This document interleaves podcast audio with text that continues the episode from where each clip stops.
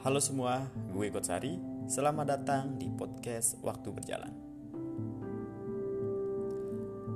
Bagi kebanyakan orang, mungkin menghilang adalah cara yang benar untuk meninggalkan masalah.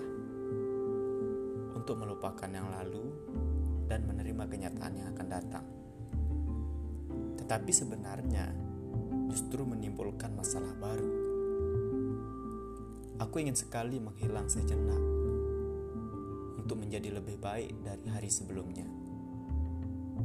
Aku ingin sekali menghilang sejenak untuk memperbaiki semuanya. Aku ingin sekali menghilang sejenak untuk melepas semua beban yang ada. Tapi nyatanya, setelah aku mencoba menghilang, justru sekarang masalahku semakin banyak. Aku juga tidak bisa melupakan semua masalahku.